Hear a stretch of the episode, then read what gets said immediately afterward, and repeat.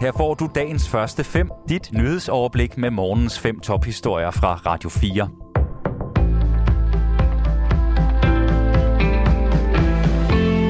Godmorgen. Det er fredag den 15. juli, og her der får du fem af dagens første nyheder på Radio 4.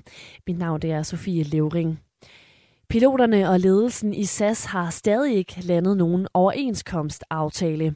Efter endnu en maratondag i forhandlingslokalet i går blev forhandlingerne sat på pause.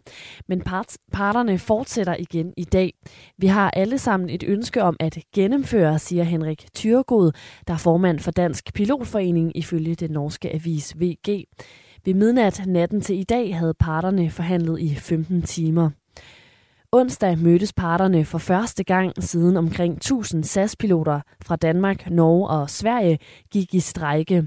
En del af baggrunden for konflikten er, at SAS under coronapandemien måtte opsige omkring halvdelen af piloterne. Der var dog en aftale om genansættelse, når der igen blev brug for dem. Piloterne er nu blandt andet utilfredse med, at SAS i stedet ansætter nye piloter på overenskomster med andre vilkår i de to datterselskaber SAS Link og SAS Connect. Strækken har ramt knap 300.000 passagerer, og indtil videre har den kostet SAS op mod 900 millioner danske kroner. Mere end 1000 danske sygeplejersker har søgt mod Norge.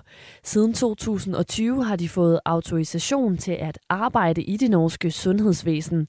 Det viser tal fra norske sundhedsmyndigheder ifølge politikken og det norske medie VG.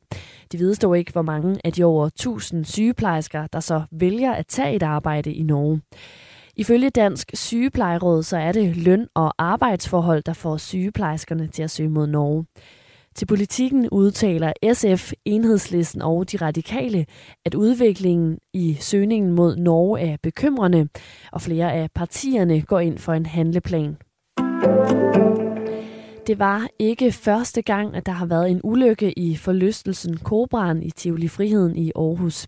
I går mistede en 14-årig pige livet, mens en 13-årig dreng kom slemt til skade, efter at den bagerste vogn i rutsjebanen knækkede, så den kom til at hænge ud under hænge under resten af toget.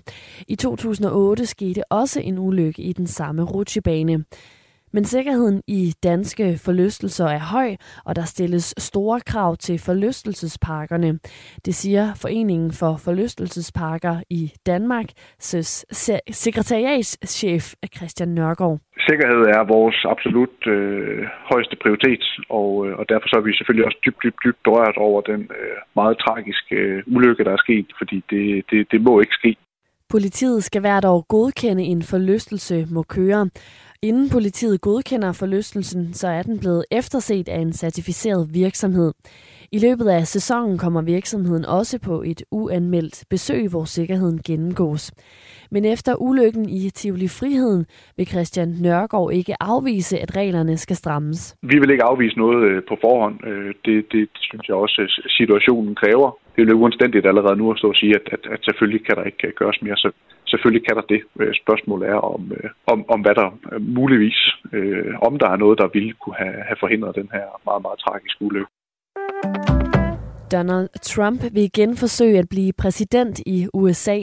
I et interview med magasinet New York antyder han i hvert fald, at han har besluttet sig for at stille op til præsidentvalget i 2024.